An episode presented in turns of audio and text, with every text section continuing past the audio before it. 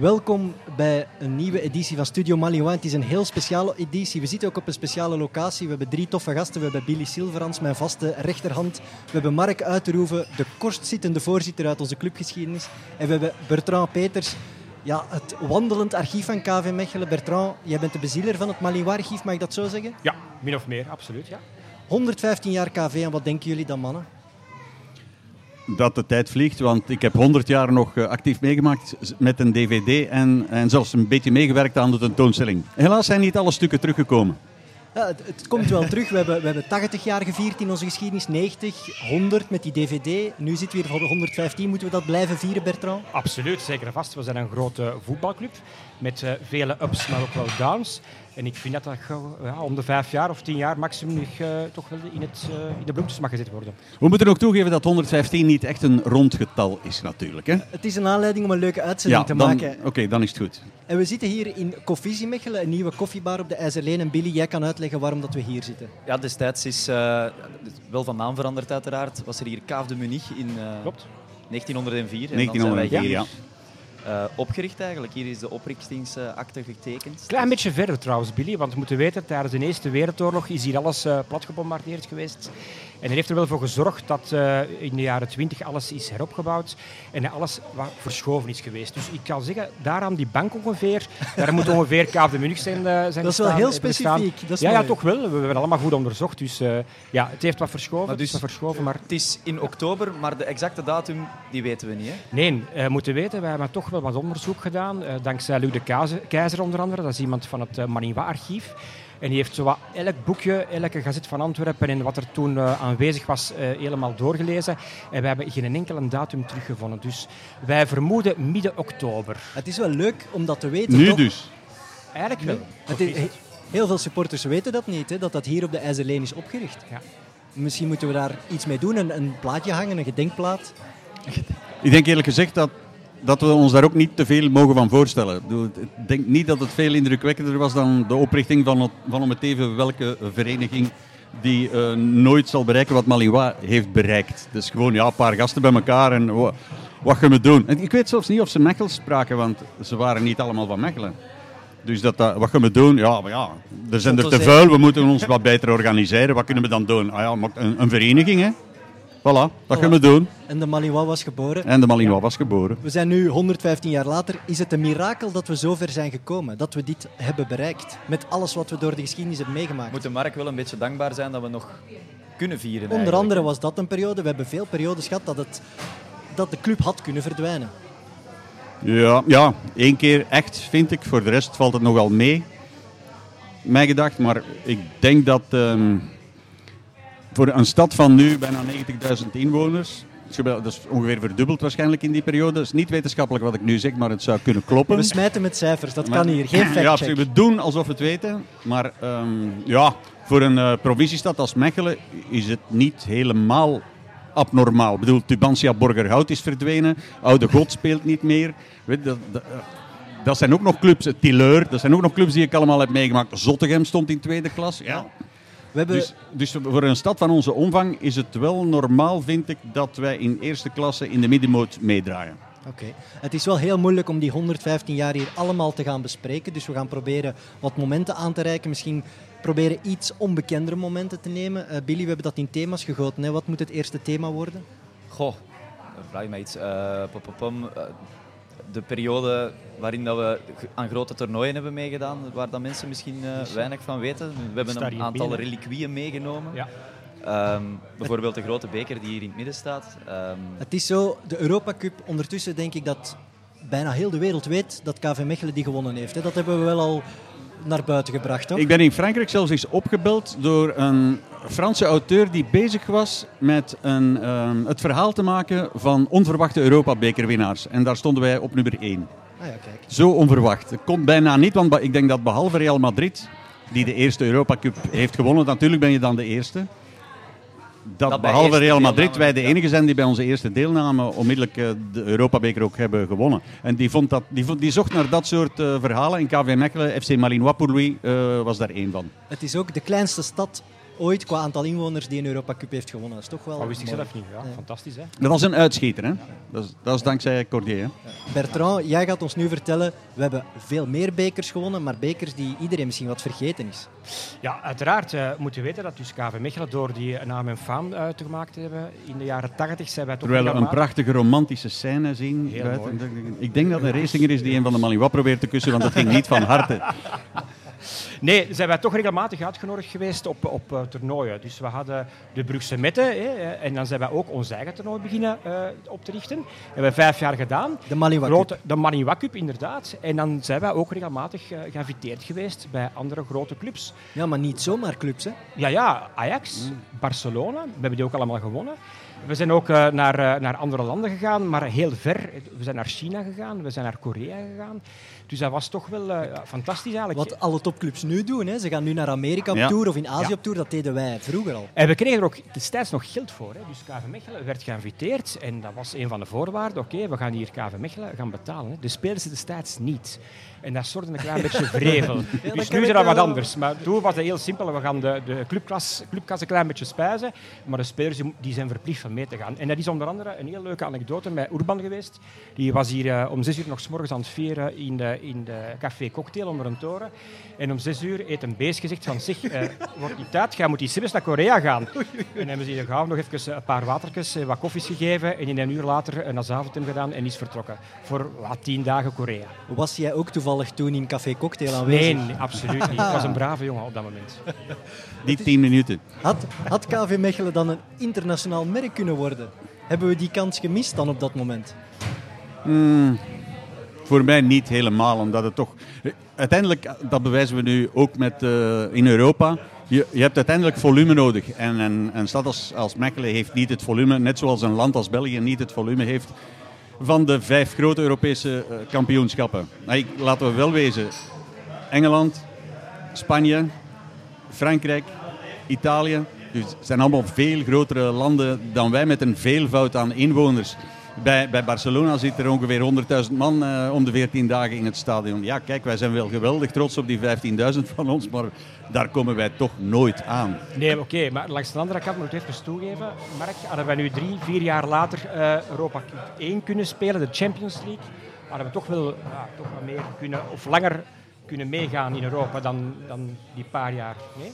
Ja, nog een paar jaar meer misschien, maar ik bedoel nooit blijvend. Omdat een, eh, de grote steden en de grote landen hebben altijd dat volume dat wij niet hebben. Dat is gewoon, dat, ja, je, je, je kan dat niet volhouden. We zouden wel fel boven onze stand hebben geleefd als we met 15.000 eh, toeschouwers altijd eh, kwartfinale Champions League zouden hebben gespeeld. Da- da- daar zouden we toch eigenlijk helemaal het lelijke eentje zijn geweest. Dat zou alleen kunstmatig zijn geweest en, en daarom ook niet vol te houden gewoon. Moeten we, moeten we teleurgesteld zijn dat we dan dat niet hebben kunnen volhouden op het moment dat wij misschien de beste club van het land waren? Club Brugge, Anderlecht zijn ondertussen ons weer voorbijgestoken en zijn nu de toonaangevende clubs. Misschien hadden wij dat kunnen zijn. Ja, als Cordier was gebleven, zouden we waarschijnlijk wel een stuk vooruitstrevender zijn blijven denken en ook financieel slagkrachtiger geweest. Dat zou wel eh, het geval zijn geweest. Maar goed, Cordier zou toch op een bepaald moment ermee gestopt zijn en dan. Dus, Ja, ik denk, een kantelpunt op dat moment is toch geweest het eh, niet bouwen van het stadion. Hè. Op een zeker Ja, moment waar waar. nu, waar nu het hospitaal... burgemeester, de burgemeester die er tegen was. De, de, de socialistische burgemeester toen weigerde, weigerde, of was het toch... Nee, het was Van Roy. het was Farah, weigerde om een weg te leggen naar het stadion. En het de vraag van de burgemeester was dat Cordier ook nog uiteindelijk, hè, bij het einde van de onderhandelingen, ook nog een stuk eh, iets zou doen voor de handbalclub van, eh, van Mechelen, waar Van Roy aan gelinkt was of mee gelinkt was.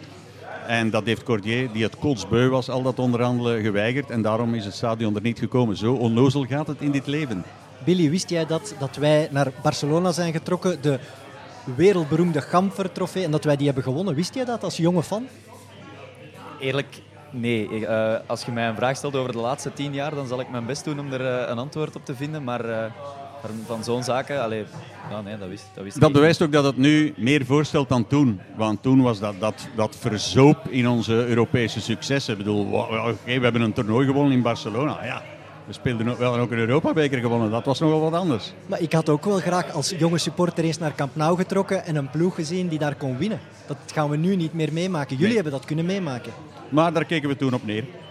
We waren verwend, niet vergeten, we waren verwend. Maar wat won de titel door eh, op de voorlaatste speeldag tegen Waregem. gelijk te spelen. En Michel Predom ging naar de, de bakker. Ja, hij was opgebleven, hè. Om, om, op tijd, om op tijd naar de bakker te kunnen gaan, ongetwijfeld. en uh, het eerste wat hij daar te horen... Allee, proficiat, maar 0-0 is geen vette, hè, jongen. Ja, maar ook een klein beetje typisch Michels. Typisch Michels maar, ja, maar dat zeggen we altijd. Typisch, ja. maar bij Beerschot zeggen ze ook typisch Beerschot als er geklaagd wordt. En tijd, ja, iedereen klaagt altijd. In die tijd zat het stadion dan wel ook vol, zoals... Nee, nee, nee, absoluut, absoluut nee, nee, nee, nee, Wij zijn dat, jaar uh, kampioen, hebben kampioen uh, gespeeld voor 9600 man. Gemiddeld. Europese Supercup, 7000 man. Ja, tegen PSV, een van de beste wedstrijden misschien van die periode. Ja, ja, dat was fantastisch. De dag waarop VTM begon. Maar leg me dan eens uit hoe het komt dat dat niet vol zat. Ik, ik weet dat niet. Ja, omdat een Supercup, dat, ja, dat, okay, dat Tegen Romario? Dat kwam erbij, de, de, super, de Supercup. En tegen Romario was toen nog niet wat hij nadien is geworden. En ja, tegen PSV dan nog Hollanders. Het was gewoon een, eh, een derby. Na aanloop van die, van die wedstrijd was er een dubbel interview met uh, Ploegsma, van, uh, de, de manager van PSV, en met onze Paul Courant. En op een zeker moment stelt uh, Paul Courant of uh, Ploegsma naar Paul Courant een vraag van ja, hoeveel uh, seizoensabonnementen hebben jullie nu?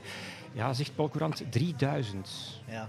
En uh, Ploegsma zei, excuseer, 3000. Dat was toen KV Mechelen. Uiteraard waren allemaal staanplaatsen. Dat was niet zo makkelijk om dan een abonnement voor te verkopen, hè, maar 3000, alsjeblieft. Gingen jullie toen altijd mee? Gingen jullie toen ook al alle wedstrijden kijken? Ik werkte op de sportredactie, dus ik kon dood eenvoudig niet. Ik zat, uh, oftewel presenteerde ik sport op zaterdag of sportweekend. Maar de, die Supercup heenwedstrijd, finale, die heb ik gepresenteerd vanuit het stadion, vanuit Kijk. het vroegere spelershome. Guy Thijs was daar, die, hoe heet dat, Thijs Liebrechts, of hoe heet ja, die, die Nederlandse coach. Uh, ja, de, de, coach van PSV was... Hiddink. Inderdaad, maar die had, die had toen ook, ook nog niet de faam die hij nadien heeft verworven. Hadden wel de Champions League Korea. gewonnen. Maar die zaten er allemaal en op die dag begon, daarom, daarom zei ik dat net ook al, die dag begon VTM. En dus wij zaten allemaal in de technische kaart te kijken naar de openingsshow van VTM groen van jaloezie, de meeste, uh, jaloezie, sorry, de, meeste, de meeste van de, de technici. Ziet dat af, ziet dat af, dat trekt op niks. Hè. Ziet dat, hey, is, dat is dat een klasse? Zie, met, met, met een mimespeler. Zie je, Allee, echt, dat, was verschrikkelijk Terwijl jij dacht, wat is de basiself van KV van Ja, ja, op dat moment was ik met heel andere dingen bezig. Dus, in de, dus ik heb, uh, Veel ik heb op 1 februari 89, was, die wedstrijd is dus wel rechtstreeks uitgezonden. Dat wel, die prachtige match eigenlijk. Bertrand, jij zat toen in je ja, tienerjaren, jonge uh, Ja, 16, 17 jaar. Was, jij toen een van de, de, de voortrekkers? Absoluut, ja, ja. Ik stond toen uh, verplicht eigenlijk tussen de 12M. Dat was in een tijd opgericht als een tegenbeweging tegen dus het hooliganisme door uh, de chef, de chef, chef Nees. Nees. En ik mocht daar gaan staan aan de overkant. En regelmatig, als ze dan scoren, met een omhoog naar ons moeder aan de overkant voor te zeggen het is allemaal, het is allemaal goed, het is allemaal safe. Dus, want er waren toch wel wat zaken gebeurd destijds op de staantribune. Vooral als er een goal viel, iets minder bij een twaalfde man, maar daarnaast bij de speelkop, als je daar boven stond en er werd, uh, er werd gescoord, dan viel je gewoon dus naar beneden. Hè. De S-side. De S-side, inderdaad, min of meer de S-side. Dan was je je schoenen uh, terug opnieuw uh, zoeken, je shal en dan terug een beetje aankleden en terug naar boven en gaan supporteren. Billy, er staat hier een gigantische beker in ons midden. Ja, we zijn een... Weet jij daar iets over? Zijn hem, ja, ik heb geluk dat, uh, dat het vaandeltje dat erbij hoort, dat het erbij, erbij hangt. Ik ben hem daar juist mee gaan ophalen. Bertrand had mij al gewaarschuwd dat hij, dat hij groot was, maar het is echt wel absurd hoe groot dat, dat is. Bertrand, is dat de grootste beker die KV Ja, ongetwijfeld, absoluut. En het is, het is een mooie beker en het is wel leuk, want het is dus in 89 dat we uh, zijn uitgenodigd geweest op het Ajax-toernooi. Dus een jaar na de bekerwinst. Hè. Dus we vinden de, de, de, beker niet meer, hè, maar die beker is toch wel een klein beetje een goed makertje. Is er een, ja, een beetje in de plaats gekomen. Ik vind het wel leuk omdat die zo groot is. Ja, ja imposant dat heel veel mensen niet weten dat we zoiets in huis hebben. Hè. Het wordt toch wel eens tijd dat we van dat kleine museumwerk maken. We zijn daarmee bezig. We zijn in 2013 ontstaan. Moet je weten dat we ondertussen toch wel serieuze uh, passen hebben gezet richting museum. Dus we zijn bezig met de tijdslijn. Wat hebben wij nog allemaal gerealiseerd? De weetjeslijn. Uh, er zijn nog zaken die binnenkort naar buiten gaan komen. We gaan binnenkort ook verhuizen met het Maniewarchief naar een veiligere en mooiere locatie. Met nog meer uh, spatie, nog meer ruimte. En dan ja, ons volgende plan, Mark, dan moeten we toch wel... Ja, ik zou graag een, uh, een ruimte krijgen, desnoods uh, een gedeelte van, uh, van Grand KV, ja. om om de drie, vier maanden een tentoonstelling onder een bepaald thema te, te organiseren. Thema, themata zijn er echt wel genoeg te vinden. Je kan dat doen met een vernissage. De mensen zien eens wat er allemaal in het archief zit, want nu staat dat er gewoon opgestapeld. Daar hebben we niks aan, behalve dat het goed bewaard wordt, is dat alles. Dus als we dat zouden kunnen doen, dat is, uh, dat is interessant. We gebruiken, we gebruiken het stadion ook nog eens voor wat anders dan, uh, dan voor voetbal of voor conferenties. Dus dat is, wel, dat, dat, is eigenlijk altijd een beetje mijn droom geweest dat we echt tentoonstellingen zouden uh, organiseren. En we, we gaan in de inkomhal gaat onze uh, Europabeker worden, permanent worden tentoongesteld. Een lege kast. Op een hoge... Op een, ja, nee, nee. We, we, de, of de replica is nu, we hebben hem okay, toch gewonnen. Okay. Maakt, maakt mij niet zo verschrikkelijk veel uit. Iedereen weet hoe het gegaan is. Maar in elk geval, die, uh, op, een, op een hoge zuil van twee meter bescherm, uh, hoe is dat, gewapend glas, uh, mooie, mooie lightshow erop en de, de namen van de spelers uh, uiteraard er ook op de, op de zuil. Plus twee mobiele kasten waarin we ook wisselend allerlei zaken kunnen, memorabilia kunnen tentoonstellen. Dat, gaan we meer, dat zouden we meer en meer moeten doen. Gebruik maken van ons verleden om ons te propageren. Want we hebben een, een heel mooi verleden. En de tijdslijn kadert daar ook in. Dus heel de inkomhal wordt van het gelijkvloers tot de vierde verdieping uh, volgehangen met... Uh, de geschiedenis van de club in, in zes tijdsvakken. Zoals op school vroeger, het Pleistoceen, de middeleeuwen, renaissance, weet ik veel. Echt, het is didactisch bedoeld. Mijn, mijn idee is om, om daar uh, bedrijven en vooral scholen ook uit te nodigen. Want die tijdslijn gaat niet alleen over voetbal. Niet vergeten dat wij in die 115 jaar ook twee wereldoorlogen hebben meegemaakt. Het ontstaan van VTM. Al, al, dat, soort, al dat soort rampen. De vervlaamsing. De vervlaamsing van 1970. Nee, dat is eigenlijk ook gewoon interessant. Dat is gewoon een stuk geschiedenis. En ik, uh, ik, wij hebben ook al, al eens met Malinois Archief een opleiding gegeven aan de Nieuwe Lichting Stadsgidsen. Ja. Omdat de, een wandeling bij, bij KV Mechelen uh, zou kunnen worden inbegrepen in de stadswandeling. Op, ja. op, eenvoudig verzoek, want het is natuurlijk wel een, een verder dan de IJzeren Leen en de, en de Grote Markt en de Wollemarkt. Maar, maar goed, dat, dat zijn allemaal plannen. En um, die beginnen toch allemaal ja. concreter en concreter Absoluut. te worden. De tijdslijn is uh, in wezen af. Ja. Wat, ik, wat ik wel voel, bij, zowel bij Marc als Bertrand, er is een nieuwe dynamiek in de club hè, de laatste jaren. Er is wel enthousiasme, er zijn veel vrijwilligers bijgekomen, er zijn mensen die vechten voor die, die herinneringen terug naar boven te halen. Ja, mensen die trots zijn op de club en de dingen die dat die al, uh, al verwezenlijk heeft. Dus ja. ik denk dat dat normaal is, dat je daar dan... Uh, ja, ik heb, ik heb ook de uh, nieuwe geel en rood uh, laten zien aan een paar journalisten. En die staan er echt van te kijken. Het, is, het begint te gelijken op... Uh, ik vergelijk het met Bahamontes, wat Bahamontes is voor het ja. wielrennen. Het is namelijk een, een niche product in de druk, de print zoals we tegenwoordig zeggen. Print gaat overal achteruit, maar in die niches niet. Dat ja. is, het moet klasrijk zijn, ja. degelijk papier, goed geschreven stukken, mooie foto's. Eigenlijk echt iets wat je, wat je bijhoudt, wat je niet ja. weggooit. Oké, okay, ik hield de vroegere geel en rood ook wel altijd bij. Maar ik wil, dit, dit is echt iets om, uh, om in een boekenkast te zetten. En wat retro, hè? Daartussen, hè? Wat geschiedenisstukjes. Hè? Dus, dus dat is ook een, uh, een heel nieuw gegeven. Alleen is de, de, de vraag bij mij, het zijn enthousiaste mensen nu, maar die moeten wel heel veel werk verzetten op dit moment. Dus we, zouden, we kunnen wel hulp gebruiken. Je moet het allemaal kunnen volhouden ja, met, dat is, dat is mijn vrees. met het budget dat KV Mechelen heeft. Ja. Het is geen gigantisch budget. Wij kunnen niet alles doen wat we willen natuurlijk. Ja. En dat kost heel veel tijd en energie. En er zijn wel veel vrijwilligers nu. Nu het goed loopt, ook sportief. Maar ik ben altijd bang voor uh, het moment waarop een aantal uh, sleutelfiguren zeggen van oh, ik, ik, mijn vrouw wil niet meer mee. Misschien was dat bij Cordier ook het geval. Misschien ja, was dat, zou kunnen, dat zou kunnen. Verdere gegevens daaromtrent ontbreken. Ja, er zijn altijd oplossingen voor. Hè? Het volgende thema dat ik graag zou aanreiken, altijd heel belangrijk in onze geschiedenis, we hebben het al een beetje aangekaart, voorzitters. Welke voorzitter de, er is er maar één geweest in de geschiedenis die echt meegeteld heeft, vind ik. Ja. Die heeft maar twaalf dagen nodig gehad om meer te bereiken dan al de anderen samen. Een ganse hervorming ja. op die twaalf dagen, het is wel waar. Maar de langstzittende is ongetwijfeld Dessin. Heeft hij wel het meeste betekend voor de club dan, Bertrand? Ja, sowieso ongetwijfeld heeft hij het meeste betekend. En Cordier. En Cordier ook, maar toch ik toegeven dat Cordier dat op een andere manier heeft gedaan. Hij heeft al zijn investeringsmaatschappij opgericht. Iedereen tijde, is kind van zijn tijd. Inderdaad, dat heeft dus zij niet gedaan. Hè. Als we dan uh, teruggaan naar zijn beginperiode, hebben we documenten teruggevonden waarbij hij dus beweert dat hij zijn laatste centjes heeft in KV Mechelen gestoken. Hè. Dus ten tijde dat ze de gronden hebben aangekocht, moet hij dus werkelijk alles hebben gedaan. En alles over financieel. 1900? Ja, 1910. Hè. Dus, uh, ja, ja, ja, ik weet nog. Ja. Mark was er ook bij. Ja. Ja. Weet trouwens de akte nog? Uh, ik had net mijn plechtige communie gedaan, dus ik kende de zijn van heel dichtbij. Nee, maar, we, toch wel een weten, ander... we weten er misschien nu wat minder over. Hè, want hij is gestorven net na de Tweede Wereldoorlog. Maar hij heeft wel 40 jaar bijna geregeerd over onze club. En was ook in Mechelen een belangrijk figuur. Absoluut, hè. zeker en vast. We gaan daar binnenkort trouwens ook wat meer informatie over vrijgeven. Ook over de familie Dessin zelf. Hè, want uh, familie Dessin in Mechelen was zeer machtig. En uh, ik denk dat daar weer al, ja, weer al toch voor onze nieuwe expo-ruimte toch weer al plaats is om daar toch weer al uh, iets naar buiten mee te komen. Hè? Ja, nadien is zijn neef ook nog voorzitter geweest. Ja. Wat is het, 78 jaar of zoiets in totaal dat de dynastie Dessin heeft absoluut. geregeerd over, ja. de, over de club? Maar zijn neef was niet echt voetbalmaaid. Nee. Dat was meer van, oké, okay, we gaan het toch wat verder zitten in de familie. Terwijl Dessin zelf uh, toch iets helemaal anders betekend heeft voor KV Mechelen. Geen Dessin, geen KV Mechelen. Ik woon op de Dessinlaan, hè. Kijk, dat zegt, ik, ja, ik woon nergens anders wonen. Dat zegt ook veel over wat die man heeft nagelaten. Hè? Dat was Ridder Dessin, was zijn broer die oorlogsburgemeester is. En niet alleen, is meer dan 30 jaar uh, burgemeester van de stad geweest. Opgepakt door de Duitsers. Toen is uh, onze Dessin, Francis waarnemend Dessin, burgemeester waarnemend burgemeester geweest. En hij is pas, want ik zei dat ik mijn plechtige commune gedaan heb uh, in 1910, maar toen was Francis Dessin nog geen kanunik. Hij, is nee, pas, hij was al flink in de 40 toen hij... Ja. Toen hij van het leven voldoende had genoten, vond hij om, uh, om in het celibaat te treden. Dat kan allemaal. Maar onder hem hebben we ook de eerste nationale successen gehad, toch?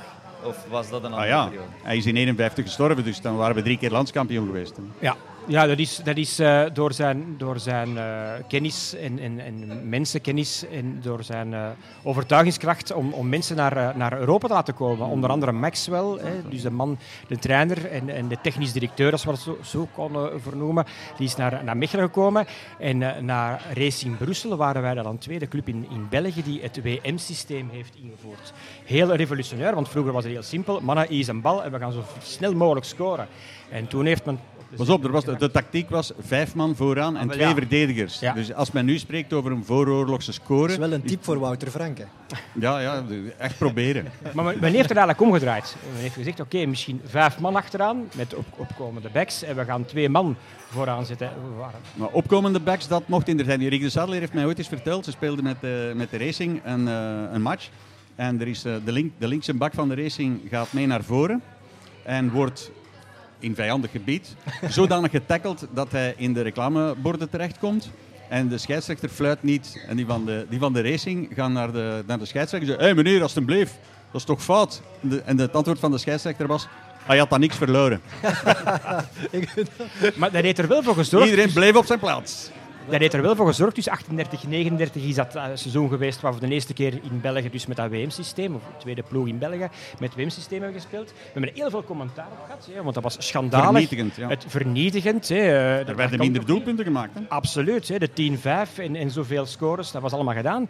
Maar het heeft er wel voor gezorgd dat we vijf jaar later toch wel voor de eerste keer in onze clubgeschiedenis kampioen zijn gespeeld. Ja, Dankzij dat WM-systeem. Ja. En met veel te scoren trouwens ook, hè, want Bert de Klein topscorer aller tijden met 40 goals. Dat doe je niet door puur achteruit uh, te blijven. Het, is, het, was een voorzitter die ook iets van voetbal kende. Ja, ja absoluut. hij stelde een coach aan, uh, hij ging hij in het buitenland zelf, zoeken. Zelf voetbalt ook voor KV Mechelen. Dus uh, dat is op zich toch wel heel knap. En, en, en, dat heb jij trouwens niet gedaan. Hè? Jawel, jawel, ik heb, uh, we hebben uh, na de redding hebben we een benefiet gespeeld in april 2003. De hooligans tegen de politie. Just. En ik heb toen meegespeeld met de hooligans. De laatste twee minuten weliswaar, maar ik heb, ik heb een vervanging doorgevoerd. En ik heb toen gespeeld met de micro in de hand. dat is Wat zeer plezierig is, want je kan beter communiceren met de medemaat. Ik herinner mij een vandag waar je ook mee op het veld bent, uh, met een? bent gestapt. Een, een vandag. Ja, ja, dat is juist met een onderuit een paar jaar geleden. Ja, ja, ja, ik had afgesproken met Zet de Witte. En en, en hij was het vergeten. En, maar hij kreeg mij er niet afgelopen. Wat, dus, allee, ja. En Mark heeft trouwens scheidsrechter gespeeld voor de allereerste dameswedstrijd ja. op KV Mechelen. Dus uh, we hebben ooit eens samen uh, offside gefloten. Ik heb mijn vlagje in de, in de, in de ja. lucht en gaat gefloten. En hebben ja, toch heel veel tegenkanting gehad van de dames. Als ik kan... gaan uitleggen trouwens. Ja. ja, het probleem was, ze begonnen met af te trappen achterwaarts, wat tegenwoordig mag, maar toen, nog niet. De bal moest een volledige omwenteling om zichzelf maken en voorwaarts, worden gespeeld. Dus, al, dus de, de, wedstrijd was nog niet begonnen en ik moest al uitleggen hoe de reglementen in elkaar zaten. Ja. Uh, bekend, uh, Dessin was bekend voor zijn processie. Ik vind dat een fantastisch beeld. Daar zijn beelden van uh, in het VRT-archief ook. Dat hij uit de catacombe het veld overwandelt. En de dat processen. Was alsof dat de paus het veld opkwam en dat dan pas het voetbal mocht beginnen. Dus dat is wel speciaal. Ja, eh, vroeger was de hoofdtribune waar de huidige hoofdtribune was. En de kleedkamers waar de vroegere en de huidige ja, staantribune was. Ja, inderdaad. Dus het was sowieso een verplichting. En ik denk dat hij zich toch wel regelmatig bemoeide met de opstelling en toch wel wat zaken vertelde, verkondigde tijdens en voor de wedstrijd. Zodanig dat hij elke keer naar de overkant ging, daar zijn zeg ging doen. En natuurlijk de processen uh, aan de overkant voor de wedstrijd te gaan volgen. Een processie was voor de match verplicht? Van, uh, van hem uit? Verplicht niet, maar ze noemden dat gewoon weer de processen. Ja. Maar de Mark heeft dat meegemaakt, je moet dat aan mij vragen. Want ja, want wat, er, wordt, er wordt altijd gevraagd waar komt, uh, enfin, mij wordt die vraag toch vaak gesteld, waar komt de term uh, kakkers vandaan? En ik denk altijd dat het een, een reduplicatie is van katholiek. Dus ja. de, de, laten we zeggen, de goddelozen die uh, scholden ons uit voor katholiek, maar katholiek was geen scheldwoord voor, voor uh, ons, want katholiek was, ja, de meeste mensen waren trots dat ze katholiek waren. De, de sociale bovenlaag was katholiek. En ik heb dus katholiek kakkers, dat het daar vandaan kwam, heb ik altijd gehoord. Maar um, onlangs vertelde Eddie Dumaris bij een, een, verslag van een wedstrijd van KV Mechelen dat uh, wij de naam danken aan het feit dat Dessin met zijn soutan aan, hurkte naast het veld en dat het dus leek alsof uh, de kanuik zat te kakken. Op zijn noot ging zitten. Ja, ja. en, en uh, dat het daar vandaan komt. En, uh, jij vind ik ook wel een mooi verhaal en het ah, kan net zo goed waar zijn. Ja, ja pas op, je hebt, blijkbaar in, in Den Haag, kakkers wil dan bedoelen eigenlijk de dikke nekken. Dus dat kan ook zijn de dikke nekken. Ook de schrikketisten, het WM-systeem, we bleven van achter staan. Uh, inderdaad, de, de, de kanunik die dan in, in hurkhouding ging zitten, dat kan er ook inderdaad van zijn. Of gewoonweg, en wat nog meest plausibel is, volgens mij, dat is gewoon ene keer dat een racer gewoon gauwse vuile kakkerij geroepen ja. Dat is gewoon overgepakt geweest. Dus dat we daar te veel betekenissen achter zoeken, terwijl het heel simpel is. Ene persoon heeft dat geroepen en er is gewoon massaal over. Dus dat danken we alweer aan de racing. Zoveel zaken. Wanneer... Want in, in, mijn, in mijn jeugd was dat eigenlijk nog wel een scheldwoord hoor. In de jaren 60. Wij hoorden dat helemaal niet. Ik heb het er nu soms nog moeilijk mee. Oké, het, is, het is wel wat veranderd. Maar alles wat, wat in, in je jeugd uh, gebeurt, blijft langer hangen dan, uh, dan wat er daarna volgt. En ik vond dat eigenlijk niet zo, niet zo leuk dat, dat racingers ons uh, de kakkers noemden. Ik vond dat eigenlijk vies. Oké. Okay. Onder welke voorzitter ben jij fan geworden? ja, ik kom nog maar... Een, is dat Timmermans? ja, Timmermans was dat. De, de, redding heb ik niet bewust meegemaakt. Uh, dus, ja. Wat is niet bewust? Ik was acht jaar en ik wist nog niet uh, wat voetbal was. Nog nooit voetbal ja. gespeeld. Ik ben op 30 oktober 1966 voor het eerst naar uh, de Malinois geweest. Malinois Antwerp. Antwerp was het twee seizoenen tevoren vicekampioen geweest. 0-0. En ik was geweldig ontgoocheld, want ik had geen goal zien maken. En ik ga op 20 oktober 2019 met mijn kleinzoon van bijna vijf jaar naar KV Mechelen Antwerpen kijken. En ik hoop dat het van 0-0 zou misschien nog niet zo slecht, zo slecht zijn. 0-0, daar teken ik misschien wel ja, voor. ik zou toch graag hebben dat hij een goal ziet. Ja. Ja. Dan ben je meteen verkocht. Als je ja, een keer is, achter de kazerne een goal ziet en je ziet dat publiek opveren, dat dan is dat jouw club. Serieus. Bertrand, jij wou wel je licht laten schijnen over een voorzitter die soms wat vergeten wordt. Uh, of herinnerd nee, wordt om de verkeerde maar ik denk dat dat een, een, deel van de redding is geweest. Dat is, uh, we zijn twee keer kampioen gespeeld onder uh, Willem van de Wijngaard. En uh, het jaar, dus 98, 99, met die fantastische inhaalbeweging op Antwerpen, de 31 op 33, de witte kopjes achter mij hier. En dat heeft volgens mij bijgedragen dat wij heel veel jongen en jongeren en talenten hebben binnengehaald. En mensen die zich uh, willen inzetten voor de club. In 2002, 2003 hebben we onder andere te danken aan die mensen die toen uh, dat seizoen zijn beginnen komen te kijken naar KV Mechelen. Want moeten we eerlijk toegeven, de jaren 80 waren fantastisch qua resultaten, maar qua en toeschouwers en qua jeugd was dat verschrikkelijk. Hè? Als ik daar als, als 13, 14-jarige rondliep, dan was ik, uh, ja, allemaal rond mij allemaal oudere mensen. Heeft Willy van de Wijngaard de club populair gemaakt? En die heeft dat toch wel populair gemaakt, vind ik. Absoluut. We mogen dat zeker vast niet onderschatten. En dat, is de, dat heeft de redding mogelijk gemaakt. Ja. Want ik zweer, ik ben meegereisd, hoewel ik zo zeker was als een hond, naar A-agent KV Mechelen. Uh, 2-0, twee keer Kaklamanos. Kaklamanos, die Griek. En ik keek toen, want ik, ik was toen nog niet echt van plan om in een reddingsactie te, te stappen. En ik keek om mij heen en ik dacht, godverdomme, dat leefde gewoon. En, en dat is een van de redenen waarom ik dacht, het is de moeite om iets te riskeren. Want als dat alleen maar uh, oude pekers waren geweest die om mij heen stonden, dan, was ik no ja, dan dacht ik, oké, ja, we, sterven, uh, we sterven de dood. Die negen dagen of twaalf dagen dat jij voorzitter was. En twaalf, dat ja, ja, hey, oh. Dat doet er direct 25% af. Hey, beetje respect zou niet misplaatst zijn. In percentages is dat wel ja. ja. Maar was dat de beste periode van je leven? Voorzitter zijn van de club waar je altijd fan van was? Ja, omdat we toen al gered waren en, uh, en ik toch wist dat ik, uh, dat ik er dan ging uitstappen. En dus geen werk meer ging hebben en geen, geen verantwoordelijkheid. Want ik, laten we wel wezen, uh, van financiële dingen weet ik echt niks. Dus ik ben... enfin, ik heb wel goed geld ingezameld blijkbaar, maar voor de rest ben ik ben ik, ja, ben ik, misschien was dat ook een goed punt, want we, we kregen ongelooflijk veel financiële voorstellen in die periode. En ik ben zeer blij dat ik op geen enkel voorstel ben ingegaan, want de, goh, er waren erbij mannen. Een, een, bank die, die mij vroeg om op midden van het veld te gaan staan en te zeggen: allemaal met uw spaargeld naar die bank en wij betalen gewoon de schulden. Mijn vrouw, die zei, mijn vrouw heeft handelsingenieur gedaan, die is wel thuis ingegaan. Die zei, van mijn leven niet doen, want als die, als die bank failliet gaat, dan, uh, dan knopen ze jou op aan de eerste boom. En het zou gebeuren zijn, want die bank is ondertussen failliet. dus uh, ja, en, en risicobeleggers en zo. Die, die, oh, nee, dus, dus uh, in, uh, ik, ik, was eigenlijk, ik was eigenlijk blij dat, ik, dat het uiteraard dat het gered was. Dan is blij een understatement. Ik was echt diep, diep, diep gelukkig. Maar ehm, dat ik er nadien kon uitstappen was gepland. En, en voor mij inderdaad dan een aangename periode. Want het was gelukt. En ik, kon, uh, ik, ik, heb nog een paar, ik heb nog eens een speech uh, thuis tegen Westerlo. De enige thuismatch die ik uh, als voorzitter heb meegemaakt, heb ik een speech. Heb ik een kostuum gekocht. Dat was met de sigaar, hè? Dat was met de sigaar, ja. Oh, dat, dat was wel plezierig. Ja, veel commentaar op Maar dat, weet, dat was er zo plezierig aan. De ja. commentaar kon ons geen voet nee. Sorry mannen, de sigaar? ik, ik, sigaar is, een, ja, is gemaakt van tabak. De beste ja, komen uit nee, Cuba. Ik weet wat een sigaar is, maar... Oké, okay, dat is goed, ja. Hoe, hoe zag die situatie eruit? Ja, een echte voorzitter heeft een sigaar. Heeft een sigaar, ja, absoluut. Ah, okay. ja. En ik heb, er is een, een, een, gat van 12 dagen tussen Willy van de Wijngaard en, en uh, Johan Timmermans. Dat is niet helemaal waar, want uh, Van de Wijngaard was al iets eerder verdwenen natuurlijk. Bertrand, is het wel uh, eigenlijk leuk of goed voor de club dat zo iemand als Mark Uitroeven tussen die namen staat, ook om te duiden dat die periode er geweest is? Ja, absoluut. Ook al was het dan maar 12 dagen, het is wel symbolisch. Ja, ja, absoluut.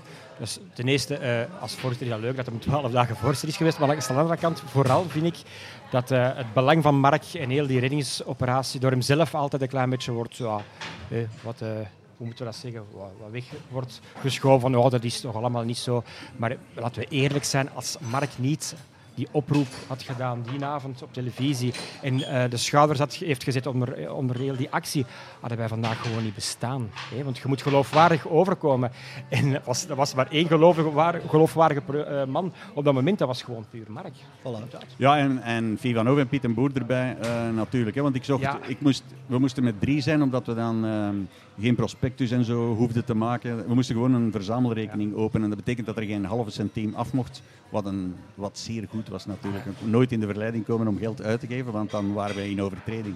En ja, dat is wel waar natuurlijk. We gingen niet meer. We waren er echt van overtuigd uh, dat we niet meer gingen, gingen bestaan, veel mensen. Hè. Ik, ik zag echt al. Uh, ik dacht altijd als ik hier met mijn fiets voorbij kom, bijvoorbeeld om ouders te bezoeken die op het kerkhof liggen, dan zal ik er altijd spijt van hebben dat er hier appartementsgebouwen staan. Dat dacht ik altijd. Dat dacht ik altijd, ja. Ik ook. En wat nu wel is, we zitten in een heel speciale periode. De club heeft geen voorzitter. Wat denken jullie daarvan? Moet dat, maakt dat eigenlijk uit dat we er een hebben? Op dit moment niet. Ik zit in de raad van bestuur en dat was daar de logica zelf. We hebben een directiecomité van uh, vier mensen. Daar zit, uh, dat bestaat voor de helft uit supportersvertegenwoordigers. We kunnen eigenlijk niet beter hebben, want een, een, kijk, de hoofdaandeelhouder kan voorzitter worden natuurlijk. Maar dan, ja, die, uh, die wenst dan op dit moment niet, niet te doen. Wat ik eigenlijk ook een, uh, een redelijk goede zaak vind, omdat het concentreren van, van te veel macht in één persoon nooit goed is voor een uh, vereniging, voor, voor geen enkele vereniging. Hebben we geen uithangbord nodig? Uh, ja, maar als het uithangbord er alleen maar is om ja en nee te zeggen of aan de journalisten te antwoorden, dat zou ik moeten navragen. Dan, dan haalt het niks uit. Bertrand, jij doet wel het archief en nu moet je daar zitten, voorzitter, en dan zit je met een gat in de toekomst. Stel je voor dat er wel één komt, in de, dan zit je daar met een, geen voorzitter in die periode. Wat doe je oh, daarmee? Ja, fantastisch. Hè? We hebben eigenlijk bij deze club al alles gehad. Hè? We waren verleden jaar toch in een heel speciale situatie terechtgekomen. We hadden ook niet op voorhand van gedacht, daar gaan we nog in terechtkomen. Dus we hebben alles al gehad. We hebben de Europa Cup gewonnen, we hebben in derde klasse gespeeld, we zijn failliet gegaan. We hebben alles, alles gewonnen en alles verloren. Dan verleden jaar erbij. En nu, we geen voorzitter. Dus dat is, dat, is, dat is perfect eigenlijk in de geschiedenislijn van KV Mechelen inpasbaar. Het is ook redelijk, redelijk modern. Er wordt altijd meer gedelegeerd. En nu, ja, dat, dus ik vind het eigenlijk niet zo eigenaardig. En er zijn wel degelijk leidinggevende figuren, maar niemand die echt het uithangbord wil zijn. En in wezen is het ook niet echt nodig. Voor de journalisten is het natuurlijk wel nieuw, want die zoeken altijd... Uh, Wie moet ik bellen? Een soort, ja, een, ja dan, dan moet de woordvoerder maar gebeld worden natuurlijk. Ja. Wie is jouw favoriete speler? Uit de ganse clubgeschiedenis, uit, of wat jij hebt zien spelen? De periode dat ik voor het eerst naar KV kwam, was nog de periode van, van Vlemings en, en, en Ives en Mununga en zo. Ik, ik vind, en Nong. Ik vind het moeilijk om daaruit te kiezen, maar het zou wel uit die periode zijn dat, dat er... Dat, ja, dat zijn de gasten waar dat je effectief voor naar het stadion kwam en in de tribunes ging staan en zo vooruit. Niet dat er nu geen toffe spelers zijn natuurlijk, maar... Uh, als ik echt geen één favoriet? Iedereen Vlemings heeft dan. Ah, Vlemings dan. Björn Vlemings het is, uit al die spelers die we hebben gehad in die 115 jaar, is het altijd moeilijk om een lijstje te maken. Hè. Wie, wie zijn de beste, wie hebben het meest uh, betekend voor de club? Welke, aan welke namen denken jullie van, ja, die zijn misschien wat onderbelicht gebleven? Die verdienen wel eens een moment. Iedereen denkt Piet en Boer, Bert de Klein, dat zijn altijd de namen. Eh, elke periode heeft zijn monumenten, dus ik denk dat je daar nou alleen moeilijk iemand kunt uitpikken. Ook zo de vergelijking van wie is nu de beste speler van KV Mechelen ooit geweest die vergelijking kan je niet maken. We zou, allez, ik zou dat iets graag willen doen. Was Merks beter dan Koppie? Ah, ja, dat is ook zoiets. Dat zijn van die vragen dat je uren over kunt verder palaveren zonder volgens mij geen enkel resultaat. Dus elke periode heeft zijn een goede en minder goede speler, maar daarvoor zo eentje uit te pikken. Ik zou echt wel heel graag terug in de tijd eens willen gaan en de, tijd van de jaren 30, 40 meemaken. Voor die Bert de Kleine en Limbricht ja, ja, maar echt waar. Ze, ze vroegen mij, dat is in, in, uh, in de kruidfabriek, denk ik, in welke periode uh, zou je willen terugkomen? Ja. En ik zei direct de jaren, ik zou in 20 jaar willen zijn in de jaren 40. Maar dat wordt toch fantastisch De oorlog is een klein nadeel. Klein, maar een pint gaan pakken in het Chaleke, dan, dan eens aan de voetbal gaan zien en dan eens een wandeling maken zo naar de binnenstad en eens kijken gewoon hoe alles anders was. Dus elke periode heeft zijn charmes. Maar natuurlijk, als je, want je vroeg, de vraag was eigenlijk ver, um, niet verloren spelers, maar spelers die wat in de vergetelheid of die, die niemand zich herinnert. iedereen zal dan terugvallen op zijn periode. Hij valt nu terug op een periode van uh, snotneuzen, uh, Vlemings en, uh, en, en, consorten. Maar um, mijn, mijn favoriete speler is Camille van Damme, omdat hij 14 seizoenen veel doelpunten en veel assists gaf in de, in de periode waarin ik nog bewonderde. Want bewondering is iets voor de, voor de jeugd. Ja. En in die periode had je bijvoorbeeld Fleming Kjaarsgaard, een Deen. Die maakte altijd belangrijke goals. Als, als, we, als we wanhoopten, dan was er nog altijd Kjaarsgaard. Ook al maakte Ivo van Herp meer doelpunten. John McLeod, John Park, Parken, zoals uh, hij vaak werd genoemd op de, op de, de bak. Dat waren echt ongelooflijke Willy Kennis. Ik vond dat echt, uh, ja, de René de Moor. Maar René de Moor is nog wel redelijk herinnerd, omdat hij ook kwantitatief in al de lijstjes staat. Hij heeft verschrikkelijk veel wedstrijden. Als je heel veel wedstrijden hebt, kom je wel in die lijstjes. Kom je, kom je nog altijd in lijstjes terecht. Maar, maar Park staat daar uh, niet tussen, maar Cloud ook niet. Dingen. Wat ik heel leuk Jeffrey vind, Ballard. je noemt nu die Deen, uh, Kjaarsgaard. Kjaarsgaard, Fleming Kjaarsgaard. Die woonde in de Kabouterstraat, ik woonde in de Nymfenstraat. En Kirsten Bjerre, die toen aanvoerder was van RWDM, die kwam daar ook een Deen. Die kwam daar vaak op bezoek. Dan gingen wij gewoon Johan op, de Beek, Johan op de Beek, die woonde daar vlak naast. En dan gingen wij bij Johan op de Beek buiten op de stoep staan uh, in de hoop die sterren Kirsten, Kirsten Bjerre te zien aanbellen en Kjaarskaart vooral de deur zien open te maken. Maar wat ik, ik wou eigenlijk naartoe, die Denen, uh, die hebben wel toen een band opgebouwd met onder andere Camille van Damme. Want niet zo lang geleden waren, de, waren die Deense ex-spelers hier weer. Birgers Pedersen heb ik gezien. Ja, dat praat je over twee keer geweest ondertussen. Ja. Absoluut. Dat is toch fantastisch. Dus dat, die, die teamgeest is er wel gebleven. Het zijn vrienden voor het leven geworden. Ja, dat is mooi. En die zijn ook al twee keer uh, door het stadion gegaan voor iets te ja, bekijken. Ja, ik heb die een rondleiding gegeven. Ja, rondleiding gegeven. Dat is toch fantastisch. Dat moeten we eigenlijk nog meer doen. De mensen van vroeger naar ons trekken. En daarmee dus ja, binnenkort met dat museum, met die beker dat uh, tentoongesteld gaat worden, met die nieuwe tijdslijn, dat gaat fantastisch zijn hè, voor die mensen. Jij eh, sprak mij over een verhaal enkele dagen geleden van hoe het voetbal er vroeger aan toe ging. Hadden ineens een speler die de wedstrijd bijna had gemist. Ja, uh, dat is eigenlijk fantastisch. Hè. Dus uh, we spreken over de periodes. Hè. Dat was, gaan we graag teruggaan. Dat was er een, een, een Mechelaar, Fe, Fe, Felix Andries, Feken Andries, Fe Andries. Dat was eigenlijk de, de voorloper van, uh, van Bert de Klein. En in de tijd was dat zo. Hè. Dus ja, auto's of autobussen waren toch bijna niet de beschikking. Dus ze moesten met een tram gaan naar de wedstrijd gaan. En dat was deze keer op Lierse. Gaat een tram via Est op een berg zo naar Lier of rechtstreeks, dat weet ik niet. Maar in ieder geval, hij was te laat. Ja, uh, die gsm of een telefoon, dat was een klein beetje moeilijk in die tijd. Dat was hij vergeten. Dus wat heeft hij toen gedaan? Er niet beter op gevonden dan gewoon al lopend naar die wedstrijd te gaan. 15 kilometer. 15 kilometer, inderdaad. Dat is opwarming, Een kleine opwarming. Hij heeft die wedstrijd volledig uitgespeeld. En is dan uh, doodleuk uiteraard met de spelers teruggekomen. Maar dat zijn van die, van die anekdotes. Ja, dat kan vandaag niet meer. in die wedstrijd? Eh, ik denk van niet. Maar het feit alleen, Evert, dat hij gewoon die wedstrijd heeft uitgespeeld na 15 kilometer te hebben gelopen, is toch fantastisch. Flash Liepenveld. Uh, Flash Liepenveld. Die speelde met een pruik. En die echt waar, was ook, ook, ook iemand, oh, fantastisch gewoon. En die maakte ook advertenties in de krant. Zoals en die werd Flash, Flash Liepenveld, dus vanwege zijn uh, flitsende. Een geweldig, geweldig uh, goede speler ook. En die is ooit, ik denk op Club Luik, in volle wedstrijd zijn pruik verloren omdat hij kopte. Ik heb trouwens over Fee Andries nog iets teruggevonden. Dat, was, uh, dat is verschenen in, de, in, ons boekje van 1929. Naar aanleiding van ons 25-jarige bestaan. Heeft de club dus een, een, boekje uitgebracht. En er staat over Fee Andries. Wie in onze club en zelfs erbuiten kent de Fee niet?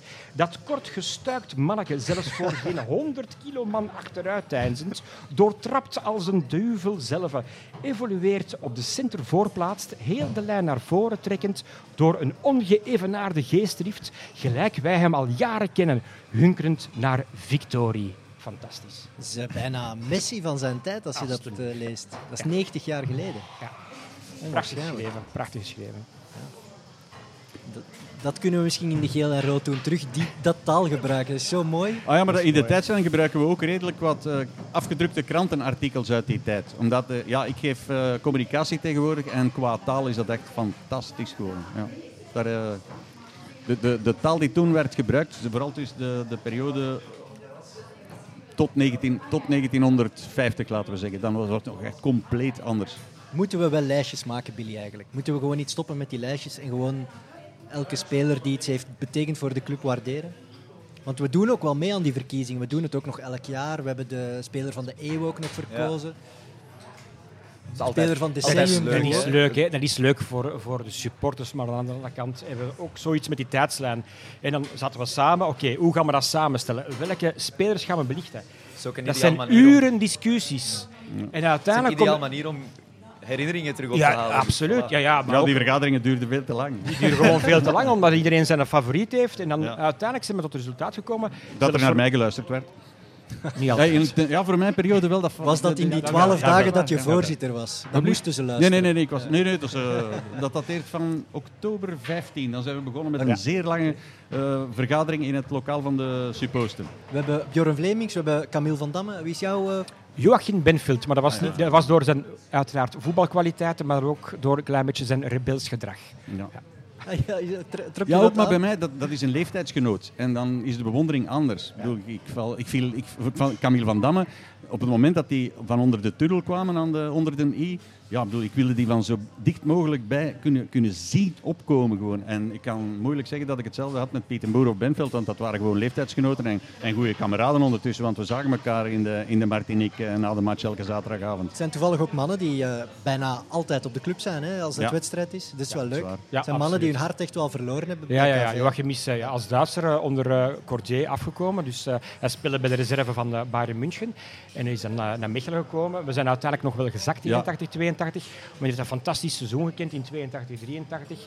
En dan het jaar erop is hij dan uh, toch wel even uh, wat langer weggebleven. Want het waren uh, carnavalsfeesten. En hij is dan in plaats van de twee dagen, die ze maar een hele week blijven plakken. En dat was typisch, dat was typisch Benfield. Eerst, zijn eerste match was thuis tegen Kortrijk. 3-1 en de twee Duitsers maakten de drie Twee golen van Benfield en een van Reisinger. En we dachten, we zijn gered. Ja, en, en het interview was... Uh, ja, hij sprak nog in Nederlands. Een interview, ik weet niet meer wie het was van ons. Hij dacht van, wird KV Mechelen, KV Mechelen absteigen? En zijn antwoord was, niemals. toch wel. maar helaas, het gebeurde wel. Het gebeurde toch. Uh, mijn favoriet was Revas Arveladze. Dus bij Wie? Deze, Wie? Revas Arveladze. De Ja. man die één seizoen bij ons heeft. We zijn De- toen we gedegradeerd. hadden Maar- Shotkar Ravelazzi moeten, ko- moeten kopen. Had het ietsje beter geweest. Die bij Ajax, eh, Ja, we hebben toen de verkeerde Arveladze De gekocht. verkeerde, Ik vind dat zo'n absoluut. leuk verhaal. Welke nationaliteit had hij? Georgiër. ja, die is daar trouwens nog eh, minister geweest. Hè? Ja, die is eh, voorzitter van de Georgische voetbalbond op dit Ah, ja, moment. Inderdaad, hoor. En die maakte toen heel wat goals. En in mijn Ja. eerste wedstrijd achter de kazerne maakte hij er twee tegen Lierse. En ben, Ja, ja. Evert verkocht. Ik ben dat moment nooit vergeten. Carvalho.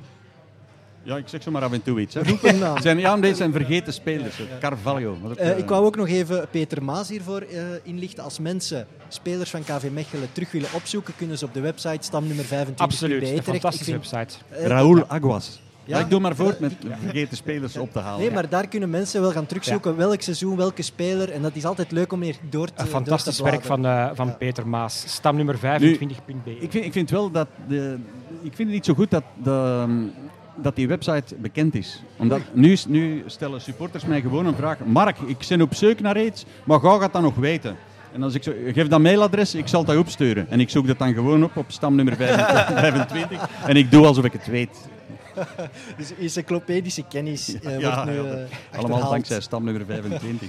Nee, waar de, het laatste thema waar we het toch zeker moeten over hebben, is achter de kazerne. Ja. Toch een van de belangrijkste begrippen in onze clubgeschiedenis. Kan Ja. jij je het voorstellen dat we ergens anders zouden spelen? Nee, het, het, allee, die naam kan je ook niet wegtoveren. Hè. Iedereen, het, het heeft al verschillende namen gehad. Het Veolia-stadion, het Argos Oil-stadion en weet ik veel wat. Een Maar ziekte van de iedereen moderne tijd. Toch, ja, de ziekte van... Ja, dat is de Iedereen blijft het toch achter de kazerne noemen. Dat, Dat is de kracht van een bijwoordelijke bepaling van plaats. De- het Viola- het Veolia-stadion achter de kazerne. Ja, maar zo is het begonnen. Hè. Bedoel, het was achter de kazerne tout court. En dan op een bepaald moment vroeg eh, NetNet, Ja. die van naam gingen veranderen. En die onze club eigenlijk gered hebben, zoals er wel meer zijn die onze club gered hebben. Maar NetNet is toen, eh, is toen met geld over de brug gekomen. En om Bukalisasi te, af te kopen van, Lo, van eh, Lokeren, van eh, onze bandenman. En als dat niet was gebeurd, ging, hij ons in aanleg van schrapping brengen. De week erop gingen wij niet meer bestaan. Hè. Dus, dus het was wel dankzij NetNet dat dan Scarlett is geworden. En die, de- hij kreeg loges van mij, en van, van mij, van, Alles. van de trainingscomité. Hij kreeg alles wat hij wilde. En hij wilde maar één ding, naambekendheid voor de nieuwe naam Scarlett. En daar heb ik, ja, Het Scarlet Stadion. Het Scarlet Stadion. En ik heb direct gezegd, het Scarlet Stadion Dus achter de kazerne. Ik, ben, ik moest ermee beginnen, anders bestonden we niet meer. Dan is de- keuze niet snel gemaakt door de beslissing. Nee, nee, dat, dat, dat ging, echt, eh, ging echt niet anders. Dat was bijna 5 miljoen Belgische frank, 4,8. En die moesten wij gewoon onmiddellijk hebben en die hadden we niet. Enfin, we hadden die wel, maar ik, kon die niet, ik mocht die niet gebruiken. Die stond op mijn rekening. En dat had die Lambrechts, eh, eh, hoe heet hij, Lambrecht in de, in de krant zien staan. En ze, ik heb in de gazet gezien dat je geld genoeg hebt om mijn bokalisatie te betalen. ja, ik zei ja, dat geld hebben we wel, maar ik, maak, ik kan daar niet aan. Dat is een verzamelrekening. Maar we vinden dat ondertussen ook niet meer erg dat wij die naam eh, commercialiseren. Absoluut niet. Het blijft gewoon achter, Achter de kazerne. kazerne hè. blijft meeleven, maar natu- natuurlijk, voor, eh, het wordt ook wel afwasstadion genoemd. Dus de staat ook niet echt met in de pers. En dat is, ik denk dat dat voor afwas het belangrijkste is. Gewoon. Dus zo erg is dat ook niet. Maar voor de supporters blijft het achter de kazerne. En vooral wat ons heel uniek maakt, we hebben er een week nog over bezig gehad, dat is toch fantastisch dat een voetbalstadion naast een bedrijvencentrum ligt, naast Telenet, naast een woonwijk, naast een, Belangrijke woonwijk, het Kerkhof. het kerkhof, alsjeblieft. En dat allemaal gewoon weg rond ons stadion. Dat is toch Dus uniek weet- weer al in België. Het is bizar. Ik, weet, ik, woon nu verder, ik woon nu verder van KV Mechelen dan na mijn dood. Dat is, dat is eh, in de toekomst Dat is kijken. de- ver ja, in de maar toekomst dat, kijken. doen- dat doen de mensen veel te weinig. Dus is ik, weet al waar ik, ik weet al waar ik ga liggen. Nee, maar Echt waar, het, Ik het weet is al wel waar ik ga zo. liggen. Het is wel zo. eh, Dat, dat zorgt voor een rare. Allee, voor een, die speciale sfeer van Mechelen is ook die ligging natuurlijk. Ja, dat is hè. Een van mijn, ik, ik schreef voor Sportmagazine als, eh, als jong knaapje. En ik moest iets maken over KV Mechelen in 1981. Zo, En Camille van Damme was trainer, denk ik. En dat was dus een moeilijk seizoen. Mike Jensen was een van onze eh, speerpunten toen. En eh, alweer een Deen. En ik, eh, de titel van mijn stuk was Kerkhof of Kazerne. dus vechten of dood. Het is, En dat past gewoon echt ongelooflijk goed bij ons. Hè? er is heel veel in de geschiedenis een moment geweest waarop er getwijfeld werd. Hè. Moeten we verhuizen? Moeten we ergens eh, in de, in de- aan de rand van de stad een mooi nieuw stadion met wegen er naartoe? Waren jullie daar voorstander van geweest? We hadden verder gestaan. Hè. We hebben daar net al aangehaald om Recordier. Hadden wij een nieuw stadium gehad. Hadden wij gewoon als voetbalclub uh, een mooie geschiedenis gehad. Uh, zonder die downs. Maar langs de andere kant, ja, achteraf bekeken. Ook als ik naar het stadion zelf kijk, dan denk ik van, wat verdomme, dan hebben we toch wel wat zaken gemist door inderdaad misschien het kwartje te draaien en dan mooi alles er rond te kunnen bouwen. Nee, nu, lopen wij met dat, nu gaan we met dat aflopend tak uh, zitten. Uh, we zitten toch wel met een bepaalde... Ja, ja ik, ik zie dat helemaal anders. We zitten, speciale ik, vind, ik vind dat wij een fantastische uh, mooie ligging hebben, ook al is het moeilijk voor het verkeer. Daar wordt dan ja. wel een mouw aan gepast. We zitten op een historische locatie, dat is KV Mechelen. Zie, zie bij de racing hoe, hoe triestig de mensen er daarvan worden dat ze op een ander zouden moeten gaan spelen ik kan dat helemaal begrijpen, want ik zou dat voor ons ook heel erg Maar jij komt, met de, jij komt met de fiets. Ik kom met de fiets. De moderne supporter die komt met zijn wagen tot tegen het stadion nee, nee, nee, dat is gedaan. Dat is ook ik denk gedaan, dat, ja. dat, een verandering Je moet die fietsenparking eens zien. Uh... Dat is fantastisch. ja, ja, ja. Ik denk dat net het goede is aan KV Mechelen dat we op dat vlak een mobiliteitsplan hebben destijds moeten maken, waarbij we dus echt een grote fietsparkings hebben moeten implementeren rond het stadion.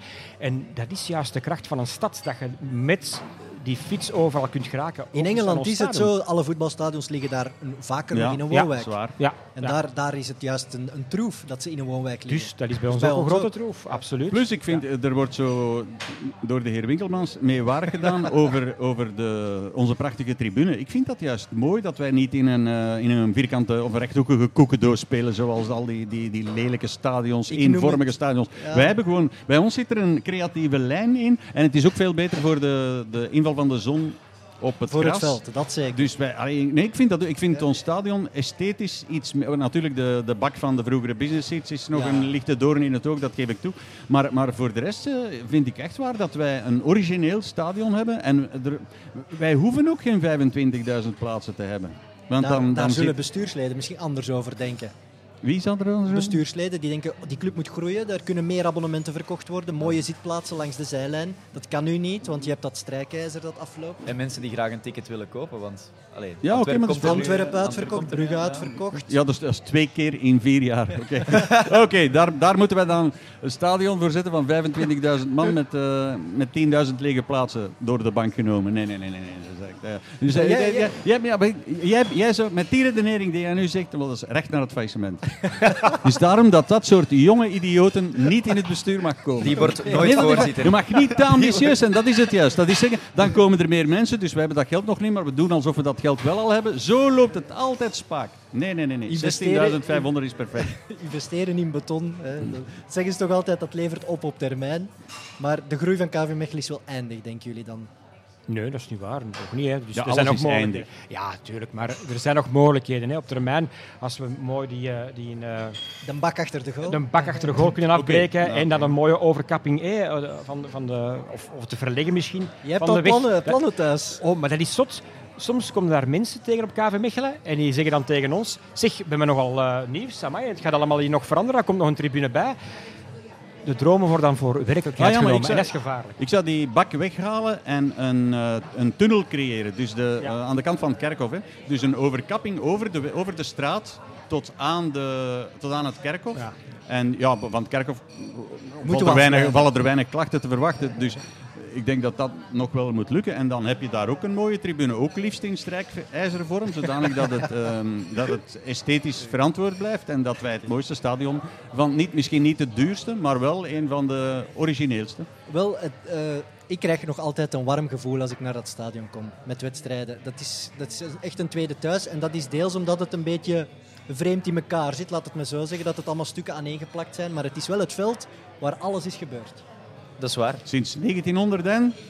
Ja, 1910. En dan denk ik van mijn eigen, allee, ooit heeft er daar toch wel wat spelers op de grond gelegen. Die zijn daar binnen ofwel te bloeien of zweet, ja, ja, toch goals, zweet losgelaten op dat veld. En dan volgens mij zit dat nu 3, 4, 5, 6, 7 meters onder de grond. Fantastisch gegeven toch? Ik, ik, wilde mij graag laten begraven uh, in het strafschopgebied, maar uh, er is het probleem van de veldverwarming. ja, wel ja. Dat Jean, ik weet niet of dat Jeanke dat zo'n goed idee zou vinden als we daarmee beginnen. Ja, wel, want dat is bemesting. Wat is dat daar? En dat is nog een stuk markt. Ja, dat is, waarom is dat groener dan de rest? Oei, groener, dat is erg. 115 jaar proberen samenvatten in iets meer dan 50 minuten. Is het ons gelukt? Goh, ik denk, ik ben daar juist in het archief nog de, de zaken hier dat we hier hebben staan gaan halen alles heeft een verhaal. En het zotte is dat Bertrand ze ook voor 95% allemaal van buiten kent. Dus we hebben heel wat belangrijke geschiedenispunten aangehaald. Maar ik denk dat je nooit uitge, uitgebabbeld raakt over, over de mooie club dat we hebben en over de zaken die dat we nog... Uh, op zolder tussen aanhalingstekens hebben liggen. Kunnen gewone supporters iets betekenen voor het Malinois-archief? Absoluut. Uh, wij zijn dus begonnen in 2013 en een van de eerste realisaties was het opstellen van een contractje tussen uh, ons als Malinois-archief en de supporters. Dus ondertussen zullen wij ongeveer een 25-tal mensen hebben gehad die al een, gedonateerd hebben, we moeten juist zeggen, aan, aan KV Mechelen. En met andere woorden, je kan dat nu al doen. Je kan zeggen van, ik heb iets staan, maar ik wil er nog niet meteen... Ja, een schenking, dank u. Ik wil dat nog niet meteen afgeven. En dan kan je dat nu al laten een, een, papiertje invullen en dan later, als je er niet mee bent, door die schenking laten doorgaan. Denken mensen, ik heb op zolder nog iets. Misschien is dat wel echt een mooi stuk uit onze geschiedenis. Mailen? Ja, archief at malinois, uiteraard.be. Oké, fantastisch. Mark, word jij ooit nog eens voorzitter? Nee, anders was ik het nu. Ja, dat is waar. Ik zit in de raad van bestuur en, en net zou ik het nu zijn. Nee, nee, dat is, uh, ik, heb, ik heb een, echt een hele mooie periode meegemaakt, die twaalf dagen. Ja, Wel twee keer verloren, oké. Okay, uh, 2-0 op Bergen en 0-4 thuis tegen Westerlo. En daarom, daarom is het mij ook buiten gesmeten natuurlijk. In die periode ook de voorzitter buiten bij, ja. bij herhaaldelijk verlies. Het overkomt de beste. Uh, ik wil jullie heel hard bedanken voor jullie komst, voor al jullie kennis, weetjes, anekdotes. Het was een super fijn gesprek. Ik wil ook de koffies bedanken. Uh, voor de gastvrijheid, voor de dranken, voor de mooie zetel. En natuurlijk alle supporters die eens willen zien waar de club is opgericht, moeten hier iets komen drinken. Yes. Billy, jij ook bedankt. Volgende maand zijn we er weer met de nieuwe studio Maliwa. We zullen er weer zijn. Oké, okay, bedankt voor het luisteren en tot dan.